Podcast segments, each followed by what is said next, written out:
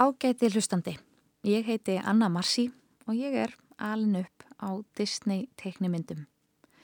Í þessum þætti ætlum við að íhuga Disney ílmenni og hvernig þau öll virðast meira eða minna hinsegin. Ertu ósamála? Hvað það ég geri? Fari kjól og dansi húla húla? Þetta er veröldin hans Waltz.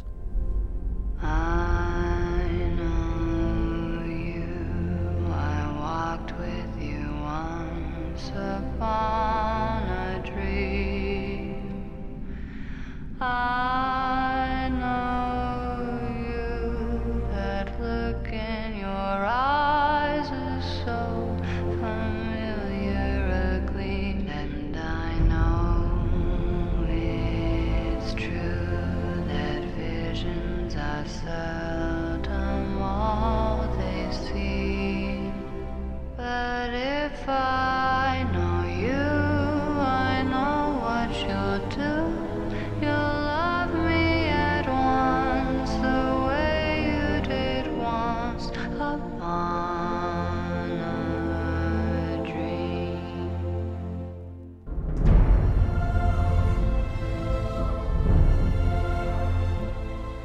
Sigriður Jónsdóttir, leikúskagrindi fréttablasins og uh, sviðs, hvað, hvað er það að kalla þig? Ég er sviðslista sérfræðingur. Um, ég er nýbúin að hefja störf á uh, Leikmennisafni Íslands sem er búið að finna sér nýtt heimili á Landsbókasafni Íslands.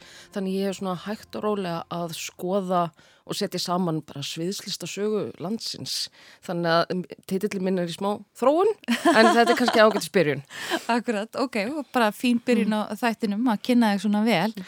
En uh, það kannski er einmitt uh, svo stað að þú ert fyrst og fremst svona leikusmanneskja Já, veist þó sitt hvað um kvikmyndir og ert fróð þegar það kemur líka að hinsegin menningu Já, og ég hef einhvern veginn oftar ekki slýsast inn á þær slóðir bæði bara í mínum eigin áhuga efnum og síðan hef ég síðastliðin ár verið með gestafyrirlestra í Háskóla Íslands um hinsegin leikús.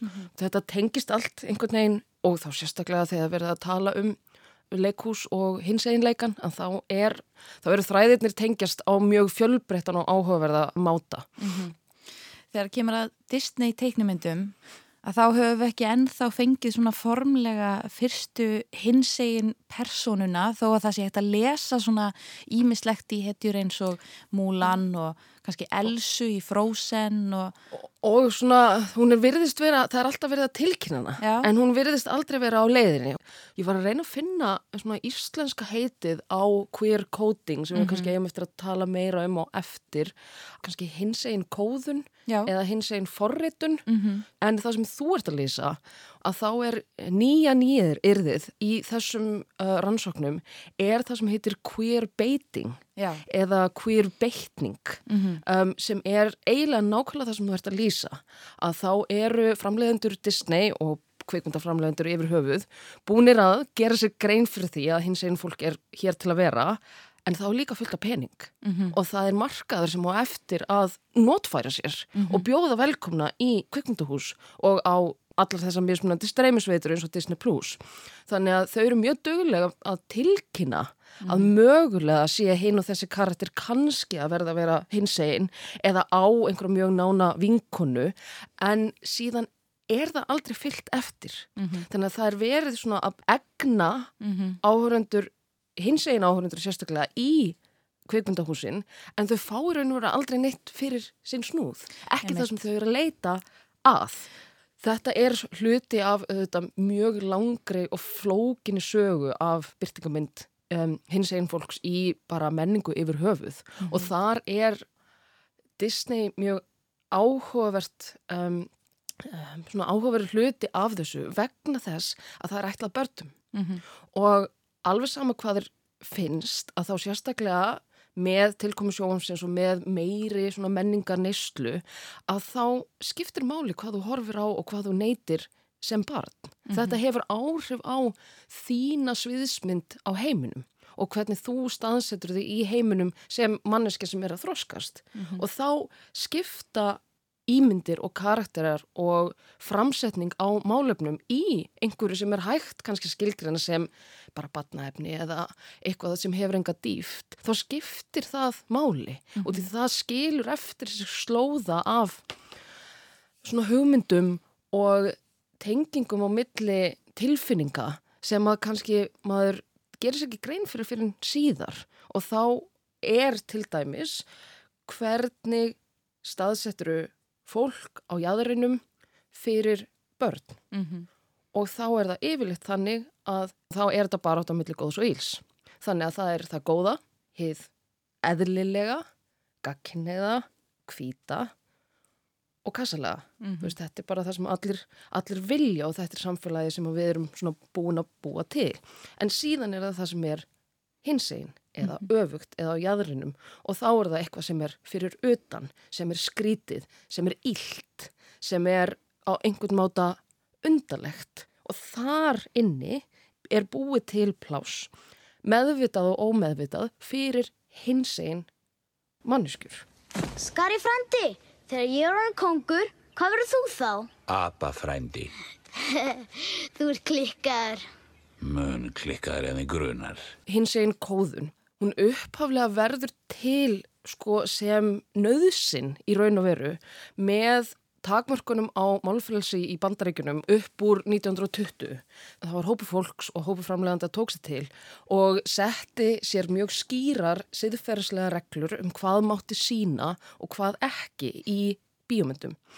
Og listin er ansi langur og fekk nafnið The Hays Code eftir uh, manninum sem var með minnir vann hjá bandaríska póstinum sem var valinn til þess að sagt, passa upp á það að allar bíómyndur væri reitskoðar og myndu ekki sína sagt, hegðun sem væri að einhverju leiti óseðileg. Og listin er ansi langur, þetta er um það bil hvað var það, 25 reglur, 11 aðarreglur og síðan 25 undirreglur. Getur þið tekið okkur í gegnum þessar svona fyrstu bara Um, aðal reglurnar? Já, sem sagt, fyrstu, það eru svona reglurnar sem má alls ekki brjóta og það er til dæmis að blóta, það mátti ekki sína nekt, það mátti ekki sína um, neyslu, aðalega á eitulöfum en líka á áfengi. Númer fjögur er kannski það sem við erum að tala um mest, er sem sagt að öll kynhegðun sem var talin vera ósiðleg, hún var bönnuð og það bara, það var orðalæði sem var notað, semst sex perversion og það er náttúrulega hægt að skilgræna það á Hinn hinn ímsa máta. ymsa máta. Það mátti ekki tala um þrælahald kvítra, bara kvítra. Mm. Þa, það er mikilvægt. Já. Og það mátti ekki gera grín að kirkjunni Mhm. og það mátti ekki gera grín að öðrum þjóðum eða öðrum kynþáttum eða fólk af öðrum uppruna en ég held að það sé kannski reglan sem að var mest brotin. já. Það fyrir svolítið eftir því hvernig þú skilgirinn það. Akkurat. En númer fjögur var til þess að allar byrtingamyndir hins einn fólks og þær voru margar, sérstaklega á þögglaða tímabilinu, þær voru hreinlega bannaðar og það mátti aldrei segja það berum orðum. En ég mæli sérstaklega með uh, mynd sem heitir The Celluloid Closet. It's the myth. to be a gay man meant that you not only did you wear pinched clothes and you had this kind of look on your face, but you carried a purse as well. It's the girls. I think the feeling is two women are together, then it's probably experimental and, or some kind of phase. And, you know, if the right guy came along, that would all change. It's the guys. You know, that's why people say, oh, I'm a, I'm a man. Like, being a man is based on who you happen to be boning that day. It's the truth. That kind of og hún er einstaklega áhugaverð heimilduminn sem fjallar um hins einn byrtingamyndir í bíómyndum. Og þó hún sé að verða næstu í 30 ára gömul þá eldust hún alveg rosalega vel. Og það er tala við leikstjóra, höfunda, leikara og hvernig það var alltaf að leita að byrtingamynda sjálfum sér í bíómyndum. Og hvernig það var ansi erfitt og þá sérstaklega vegna þess að með þessu, þessum kóti, þessum reglum að þá varð mjög freistandi líka fyrir þá sem síndu allavega einhvers konar öfuga eða illahegðun að refsa þeim. Þannig varð til þá þessi framvinda að bara, nei, ok, ef þú sýnir eitthvað, einhverja snertingu af þessum ósýðlega hegðunum að þá er bara langt best fyrir það að vera skotin eða drepin eða endar á einhvers konar geðverkahæli, þú veist bara veldu og það var upprunni af þessum hugmyndum um að allar hins eginn persónum bíomundum enda annarkort í fangilsi eða döðar. Og eru ílmenni Og eru ítmenni. eins og í þessum klassísku Disneymyndum þar sem að það er engin beinlínis hinsegin persóna af því að það er aldrei sagt að neitt sé beinlínis hinsegin en það eru svona ákveðin element sem eru gefin í skinn. og þau gengu í áratugi. Þetta er allt frá mjallkvíti og alveg til, sko, ég, ég er ekki alveg vissum sko með tímalínuna, við erum alveg að tala um upp í sko Emperor's New Groove og Pocahontas og svona upp úr 95 pluss og upp í kannski árþúsundið. Að þá eru þessar karakterar mjög svo lifandi. Quite a glittering assemblage, King Stephen.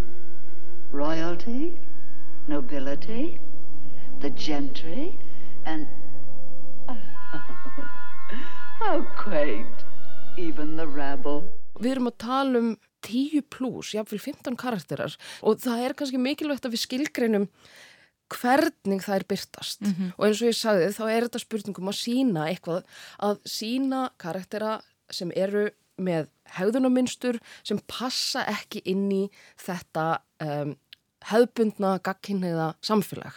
Þannig að til sem dæmi Já. þá getum við séð í Petri Pan krókaftin. Mm Við erum annars vegar með Petri Pan sem er ungur og strákur og með orkumikill og hress og þarna, en hins hins vegar þá erum við með svona fjaður skreittan hárkollu verandi Síðherðan. já og sko síðherðan í sko mjög litrikum svona flauelsfötum með risa hatt Og blúndur. og blúndur og hann er með svona óskilgreindan aðstofamann sem er líka vinur hans.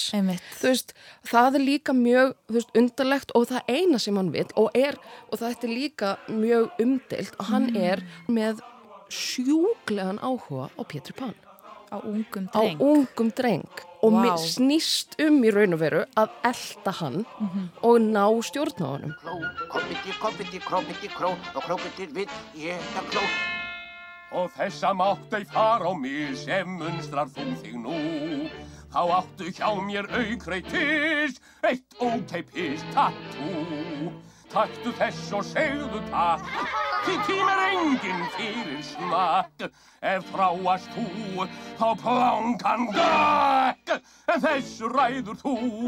En þessu ræður þú. sko Pétur Pan er 50-60 ára gömul þarna teiknumynd en ef þú ferð síðan spólar áfram þangar til svona 1995 í Fríð og dýrið þá sérðu mjög svipaða dýnamík í Gaston. Gaston og vini hans Le Fou.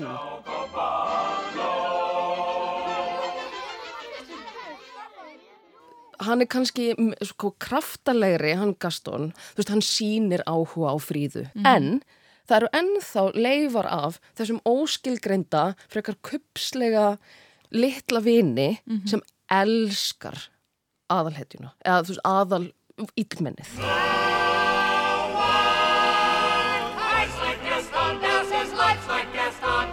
Wrestling match, nobody fights like Gaston. For there's no one as burly and brawny. As you see, I've got biceps to spare. Not a bit of him scraggly or scrawny. That's right, and every last inch of me's covered with hair. svona aðalega gegn tíðina að þá hafa þá þessir, þessi tegund af vondum semst, karlkins Disney karakterum, þá eru þeir yfirleitt kvenleir, viðkvæmir þeir eru snirtilegir, þeir eru með svona það sem kallast svona lenan ullið þeir, eru, þeir eru latir þeir eru annarkvort þú veist, þeir eru oft með svona kvenlega rattir, oftar en ekki með breskar rattir og það er mjög hendugt ef þú vilt láta fólk vera eitthvað svona smá.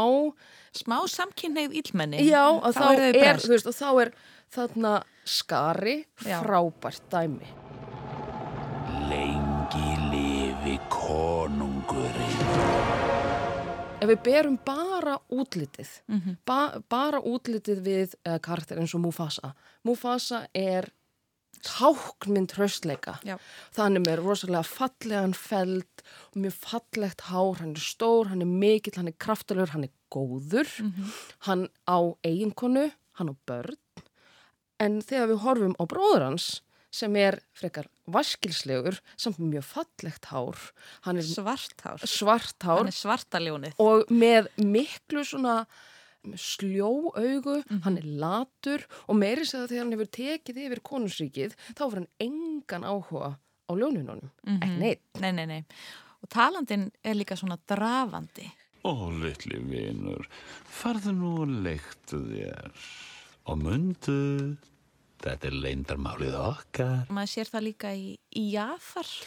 Einmitt. Hann verður svona yfirleitislegur einhvern veginn. Og e, sko þetta er yfirlæti, þeir eru snoppaðir, þeir elska fallega hluti og þú veist, Jafar er líka mjög gott dæmi varðandi þessar tákmyndir að hann er með mjög stóran staf. Don't worry. Everything will be fine. Everything will be fine. The diamond. Here, Jafar. Whatever you need will be fine. You are most gracious, my liege. Now, run along and play with your little toys. Hmm? sem hann er alltaf einhvern veginn að nota. Er, viljum við meina að þar sé reður tákna á ferð? Ég, það, það er uh, ekki ég sem held því fram, það er bara hópur af fræðumönum á internetinu og í fagtímarutum sem uh, vegna þess að ef að tákn gerist einu sinni að þá er það mögulega slís eða eitthvað grín. En þegar hlutur gerist aftur og aftur og aftur í sömu tegund bíumynda með sama tegund af karakter að þá er eitthvað annað á seiði og hvernig sem þú vilt síðan útskýra það með þínum raukstunningi að þá held ég að þetta sé ekkert eitthvað út úr kortinu.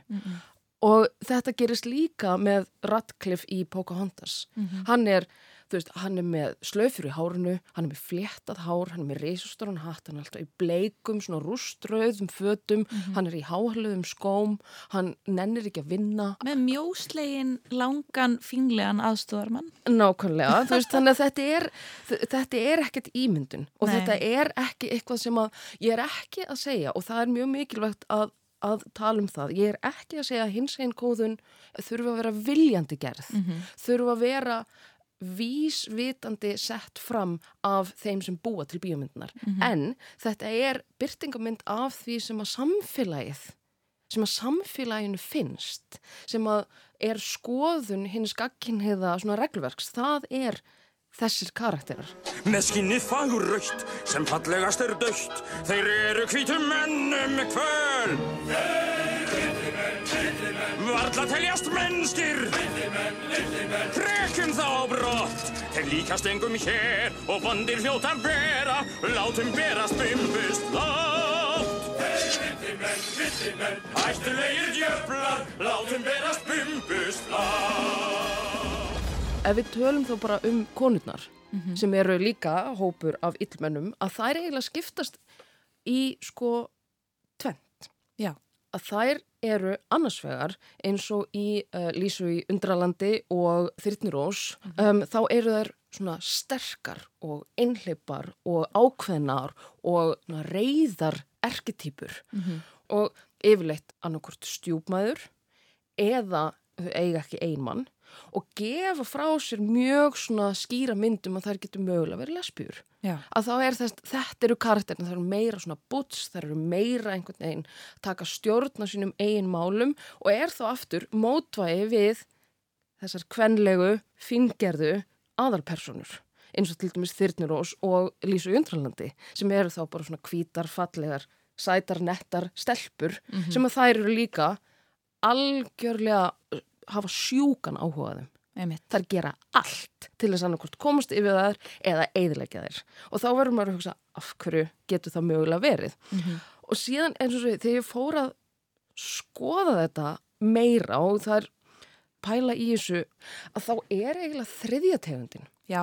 Þá sérstaklega þegar kemur upp kvennpersonum. Annars vegar er það sagt, þessi kannski lesbíu. Einmitt. En hins vegar þá er það dragdrottningin. Já, og þar komum við inn á minn eða mitt uppáhalds ílmenni Akkurat Úrsula Nákvæmlega I admit that in the past I've been a nasty. They weren't kidding when they called me, well, a witch.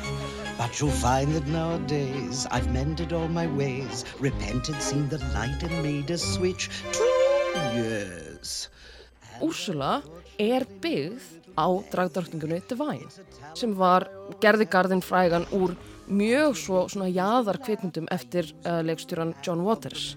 Þannig að hún er bókstaflega byggð á þekktri dragdrottningu. Poor unfortunate souls in pain, in need. This one longing to be thinner, that one wants to get the girl, and do I help them? Yes, indeed. Those poor Og ef maður horfir á um, karakteri eins og Cruella de Vil í hérna 101 dalmatífundi þú veist sem hefur Mikil drag orska þar mikil þá svona veist, stórt hár og stór pels og hún er einhvern veginn svona ofur útgáfa af konu hún er ekki, hún er nánast ekki kona, heldur einhvern svona ídealist búningatýpa af konu Ég lifi fyrir pelsa. Ég dyrka pelsa. Oh. Í alveg tala er eitthvað stað til konar sem gerir það ekki. Mikið málumi, mikið varalit og hana, stór augnhár og einhvern veginn allar reyfingarnar eru miklu frekar myndi ég skilgrina sem dragdrökning maður sem klæði sig sem konu frekar heldur en kona. Í fyrstu virðist frúin vera fjandi En fjandinn var að sig á henni má.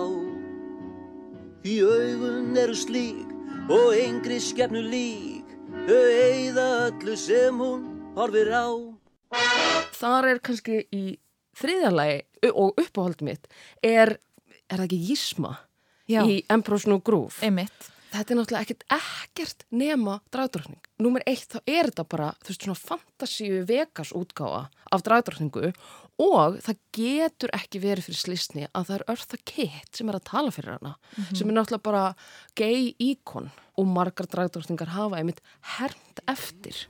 Oh, I know. I'll turn him into a flea. A harmless little flea. And then I'll put that flea in a box. And then I'll put that box inside of another box. And then I'll mail that box to myself. And when it arrives, I'll smash it with a hammer. It's brilliant, brilliant, brilliant, I tell you. Genius, I say. Aðal hjálpar kokkur hennar ismu í Emperor's New Groove er líka vöðvastæltur maður sem er samt einhvern veginn fínlegur. Já, og svona, og greindaskertur. Já, þú veist, hann er ekki, þú veist, hann er, hann er ekki einhver svona hinn um, ídealíska útgáfa af hraustum, gáfuðum, gagkinuðum kallmanni. Nei. Ég fæ miklu frekar, þú veist, eins og hann sé bara vöðvatröll með kannski svona tvær heilaselur til að nutta saman. He's not as dead as we would have hoped. Kronk, Just thought I'd give you the heads up case Cusco ever came back. he can't come back. Yeah, that would be kind of awkward, especially after that lovely eulogy. You think? Hann er eiginlega Rocky úr uh, Rocky Horror Picture Show. Já, og þetta er held ég eitthvað sem að kemur aftur og aftur og aftur. Ástæðan fyrir því að þessar tákmyndir virka svona vel er vegna þess að þetta, var, þetta fólk var alltaf til. Það er ástæðan fyrir því að þú getur haft þögglarmyndir með manni, með kvenlega reyfingar og lina úliði og það hleyjað á hann. Mm -hmm. Þú veist, þetta er bara hinn típiski sissi eða aumingi eða, þú veist, kvenlegi hommi sem er búið að vera að gera grínað í, þú veist, hundrað ár og þetta var gert áður en að reglugerðin, heisreglugerðin kom. Þannig að það þýðir að þetta, að hinn almenni áhorfandi sem var kannski húsmóður í þannig einhvers staðar í Michigan, hún þekkti þetta. Hún þekkti þennan mann. Þú veist, þessi sem var einhleipur eða sem bjóð hjá mömmu sinni eða átti alltaf einhvern náinn vin og var með svona þessar kvenlegu reyfingar. Þetta byggir á þessum mjög svo sterku stereotypum. Og ég, eins og segi, eins og þú varst að segja áðan að þín uppáhaldskarakter væri Úrsula, Úrsula Mhm. eiginlega mín líka. Fyrir utan, ég hef alltaf verið mjög svo svag fyrir skara. Mér finnst hann stórkuslegur Frábær. Verið viðbúinn valda ráni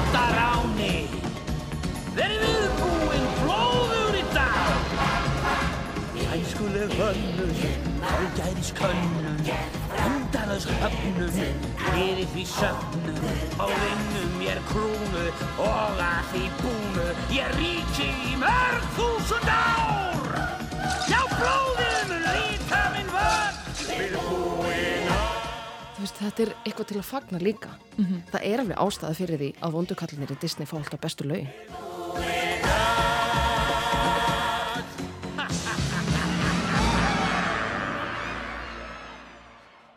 Um daginn horfði ég á um, Ringjarni Notre Dame í fyrsta skipti í langa tíma. Langan tíma, hvað heitir aftur? Hann heitir Frollo, vondi kallinn þar og hann er einmitt mjög, mjög svona, já, linur í úliðnum eins og, þú- eins og þú segir. Mér fannst bóðslega áhugavert að horfa á þá mynd af því að ég myndi ekki eftir vondukallalæginu þar. Það er mjög kynferðislegt. Þar er Frollo að syngja um þann sko losta sem að hann ber til Esmeröldu Sem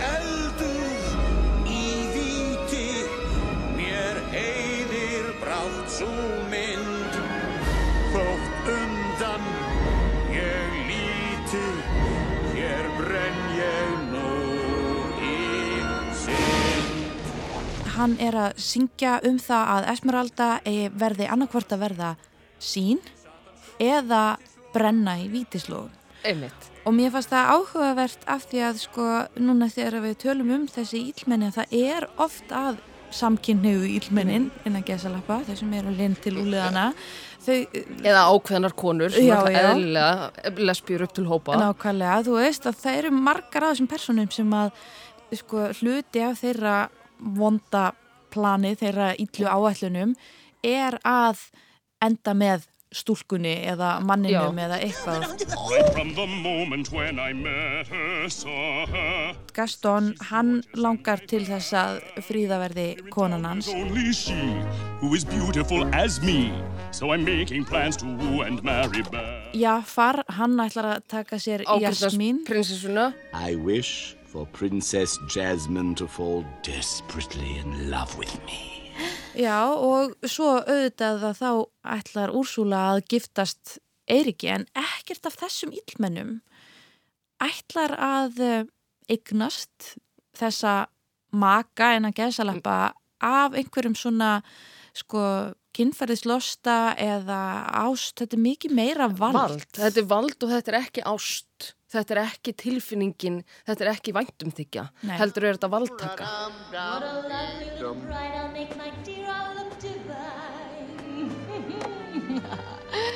Things are working out according to my ultimate design. Soon I'll have that little mermaid and the ocean will be mine.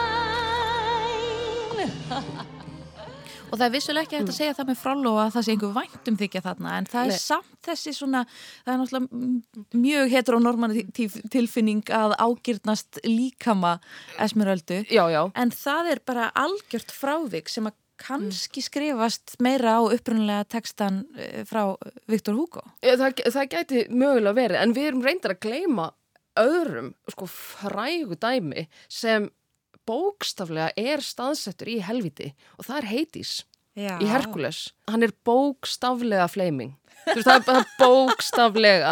Þú veist, hann er með, þú veist, það er loga eldar upp úr hárun á honum. Einmitt. Þú veist, hann er með varalit, hann er með þarna, miklar, hann er rosalega dramatískur í öll sínum hreyfingum, hefur miklar áhyggjur og hugsar mikið um Herkules Mhm. og það er, þetta er alveg svona líka annað skólabók og dæmi, hann er gengur um í köpli Er hann ekki með svolítið langar neglur og líka og þú veist, einn svona löng augnahár Hvað er þetta? Æ, ég veit það ekki. Mér fannst þið bara flottir.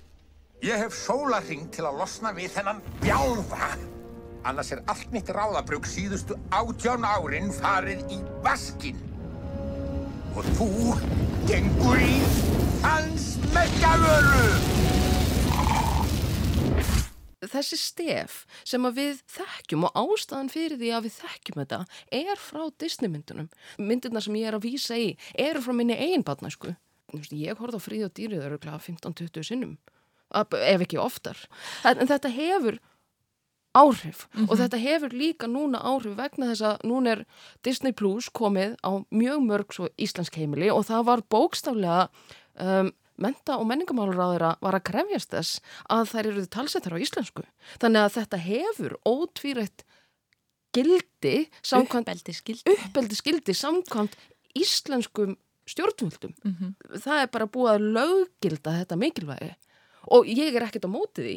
Þessar myndir eru á mörguleiti þær eru frábærar og þær eru velskrifaðar og það er margt í þeim sem er líka gott og það er líka hinn um, svona hinn hliðina á þessum pening er líka að í þessum karakterum þrátt fyrir að þeir séu vondir að þá er að spekla þeim.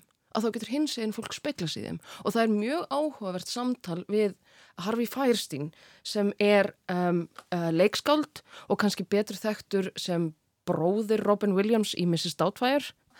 En hann uh, skrifaði til dæmis Hairspray og The Birdcage og fleira semst, og hefur alltaf, alla sína tíð verið mjög virkur hins einn barndum maður og höfundur. Og það tekið viðtal við hann í The Celluloid Closet þar sem hann, það verið að tala um þessar neikvæða byrtingamyndir og hann segir bara hei, veistu, mér er bara alveg sama. Og því ég, ég ólst upp við að hafa ekki neitt. Mm. ég vil miklu frekar hafa þetta það sem ég get samsama við heldur en ekki neitt Já, þú fyrirgefur að ég fer ekki kollnís af gleði. Slæmir í bakinu, skilur þau. og hann segir bara þetta er mögulega óvinnsal skoðun en þetta er það sem ég trúi og ég get alveg verið sammálunum að það, ég held að heimurinn er þið dabrari ef við hefðum ekki, þú veist, Örsulu og Kaftin Krók og Köttin úr Lísu Undralandi Then it really doesn't matter which way you go. Maður verður þá eins og með margar þessar bókmyndir og þessar bíómyndir að þá verður maður svolítið samt að taka skref tilbaka og vita hvað er verið að mata mann Mhm. en maður, ef að meðvitundin og skilningurinn er til staðar að þá getur það bara hjálpað í staðin fyrir að segja að þessir að kvenlegir kallar hljóti að vera vondir þeir Mhm. hljóti að vilja mér eitthvað illt þá getur ekki annað verið heldur en að það, það sé til góðs Það er einmitt svona það sem að maður spyr sig að síðan með byrtingarmyndir góðs og íls í Já. Disneymyndum og ekki bara að þessi hins einn stereotýpa sé sett fram ítrekka heldur almennt sko hversu kliftar og skortnar þær eru. Mm. Fólk sem að hegðar sér illa er vond. Já. Fólk sem að lítur út fyrir að vera vond er vond. Er vond. Og það er, uh, og það sem er eitthvað öðruvísi. Já. það er bara það er og það sem, það sem þú upplifir sem öðruvísi. Að þau klæða sig ekki rétt. Þau hafa öðruvísi áhugamál. Þau horfa öðruvísi bíómyndir. Þau eru einhvern veginn til hliðar við samfélagið. En það er líka sko, þetta er svona hænin og ekkið það er Mhm. sett til hliðar við samfélagið vegna þess að þau er ekki leift að vera eins og þau eru. Mhm. og það er ekki skrítið að fólk upplifi höfnun við það og fara síðan mögulega niður einhverja slæma leið. Það er vegna þess að enginn vildi neitt með að hafa. En við hljótum að velta fyrir okkur líka hvort að þessi svona sko, Disney-vætti skilningur á heiminum Mm. sem okkur byrtist í Disney-myndum, hvort að hann hafi ekki svolítið áhrif á þessa svona, það er komið fram eitthvað svona, svolítið svona tvíkja í heiminum Jú. sem að snýst ekki bara um samkynnitt fólk, snýst ekki bara um uh, fólk af öðrum uppruna en hvítum uppruna ef hægt er að segja það þannig heldur snýst svona um sko, já þetta bara, jú, kannski snýst það um það en það snýst bara um þessar fylkingar sem förum í. Og þessa- og við þessa- upplifum okkur öll sem hetjuna Og, og þá hljóta hinnir að vera hinnir og þetta er þessi og þetta er mikið talað um það í mannfræðinni að, að skoða það sem er annað að skoða það sem er hitt að svona aðra fólk ef að það er mjög svona gróf uh, þýðing á öðring að þá er þetta að, að setja fólk í kassa sem við getum við ég sjálf get skilið á mínum forsendum í staðin fyrir að eiga samtal og skilja heina á þeirra forsendum að það sé til samtal. Og það er bara þetta grunnstef í frásögnum í hvernig góðar sögur eru og að hvernig okkur er kenta góðar sögur eru. En það er náttúrulega á sér uppruna yfirleitt í þú veist hvítum, löngudöðum, yfirstætta kalmunum en þetta er þá kannski eitthvað sem við þurfum að hugsa um. Og ég held að akkurat núna eins og bara það sem er að gerast í heiminum í dag er þessi endurskoðun á því hvað er gott og hvað er slæmt. Og líka hvort að það sé hreinlega hægt að alhefa um þessi mál. Og ég er ekkert svo vissum að, að það sé. Og þess vegna er mitt áhugavert að horfa á þessar uh, bíómyndir með þeim glerum og hugsa, heyrðu, ef að skari hefði kannski fengið bara aðeins meira að gera í konungsveldinu og ekki verið útýst sem bara bróður numur tvö bara vegna þess að hann fættist setna, hvað hefði þá gerst? Skiluru, það er það sem ég er að segja að þú upplifur höfnun og vilt ná fram hemdum ef að þú ert settur í þær aðstæður að þér sé stöðut verið hafna. Þú veist að þú færði ekki að vera það, það sem þú ert. Þú færði ekki nei, neina ábyrð í samfélaginu. Þú færði ekki að neitt skilning á því sem þig langa til að gera. Og þá verður hann bara að sitja út í hotni og gera ekki neitt. Þá auðvitað byrjar bara að plotta heimsifur á það. Það má skoða þessar myndir og þessar sögursagnir á þennan máta og að mitt flækja þessar hugmyndir. Þess vegna eins og ég var að segja áðan er þessi hins einn góðun ekki af hennu vonda og líka það bara varti þess að höfundar og uh, leikarar og aðrir í uh, til dæmis sérstaklega í bíomundum og líka í, í leikusi þurftu bara að finna aðrar leiðir til að koma þessu inn og þessu personu voru alltaf til. En það voru bara að fundna nýja leiðir til þess að koma þetta í skila án þess að fólk fær úr fötunum eða kisti uh, mannesku af sama kynni. En þú vissir það um leið og þú horfir á það. Og ég fór að hugsa um það þegar ég var í bíó fyrir mörgum ára síðan og horfa Mamma Mia vissi ekkert um sögurþráðin, ekki neitt. Og um, þá verið að kynna feðurnar, mögulegu feðurnar til leiks, þá ertu með Pírs Brosnan og Stellan Skarsgård og Colin Firth. Og þeir eru kynntir í einhverju svona rosa þarna aksjón, svona kynningabrótum það er þú Stellan Skarsgård á bát og mótuhjóli og þarna og Pírs Brosnan er í einhverjum svona á einhverju skrifstofi, í einhverju háhísi á einhverju mikilvægum fundi í einhverju gallaböksum og eitthvað þeysir, þeysir af stað. Síðan kemur Colin Firth. Og ef mér minnir rétt að þá er hann kynnt út í söguna það sem hann er, það er leiðubill að býða eftir hann, hann er, hann er einhvern svona keira sjálfur. Það er annarkort aðstofamaður væntanlega eða einhvers konar þjótt sem hann hefur á heimilinu sem afhendur honum skjálatöskunum sína og hann er í best hönnuðu jakkafötum sem ég hef séð. Og voru, þetta voru svona tvær mínútur búnar á bíómyndinni og það var bara ennþá kynningastefið í gangi. Og ég bara, ó nei. Æ, hann er hommi.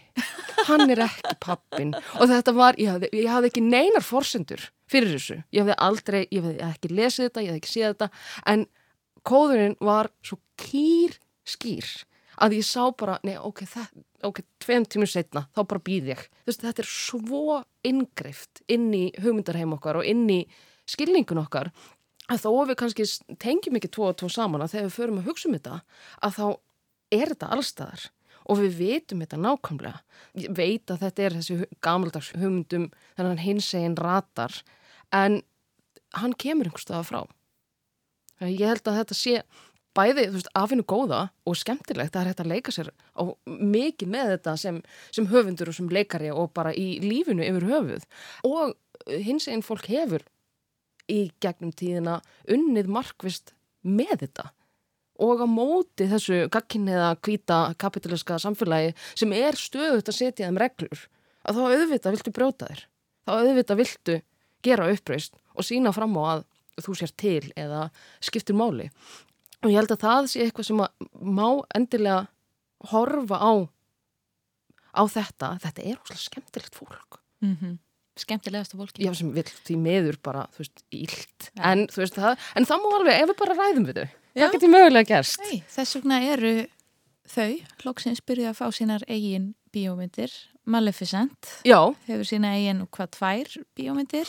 Og núna Cruella de Vil Akkurat, það er að koma út ný mm -hmm. þarna um, ný mynd.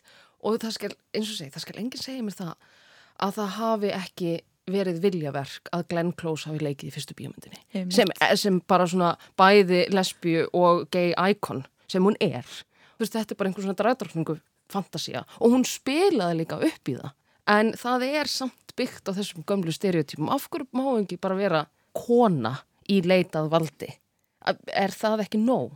Það, Nei. þú veist, það, veist, nei, það er líka, það er kannski minna gaman út því að dragtarhengar eru æðislegar en það virðist, veist, það virðist ekki vera nóg Mhm. og það virðist ekki geta skreitt hana með þessum illu fjöðrum nægilega vel Mhm. út því að það að vera kona virðist ekki vera nóg erfitt Nei, það að vera bara venjuleg kona í, í leita valdi maður þarf að vera einhvern veginn úrkynjaður úrkynjaður eða, öfgavondur Mhm. það er eins og þarna, að bara átt að kenna sé einhvern veginn ekki, nógu sexy eða áhugaverð sem er, ná, það, þú veist, diskusjón og umræða út af fyrir sig Be sure to let me know when the blessed event occurs. Oh, well, it won't be for another eight months. The puppies, darling.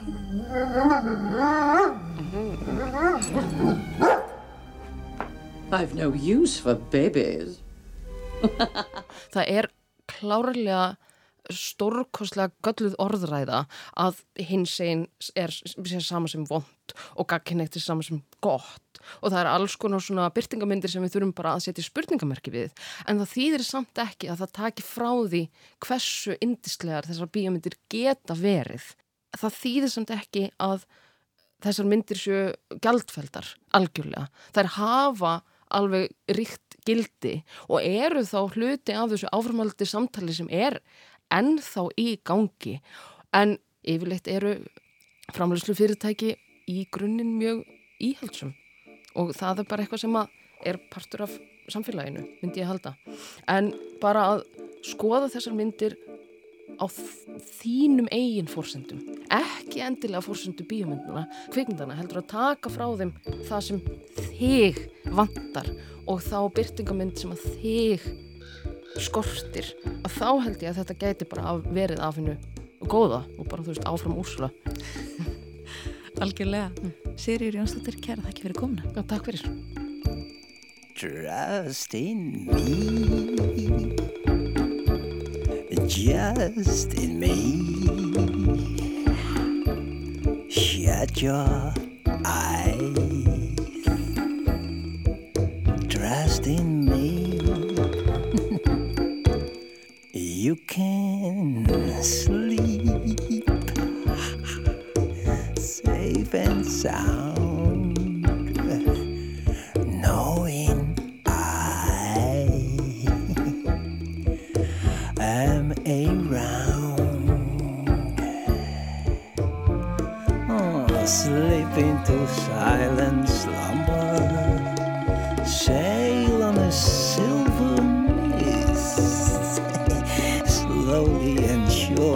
surely your senses will cease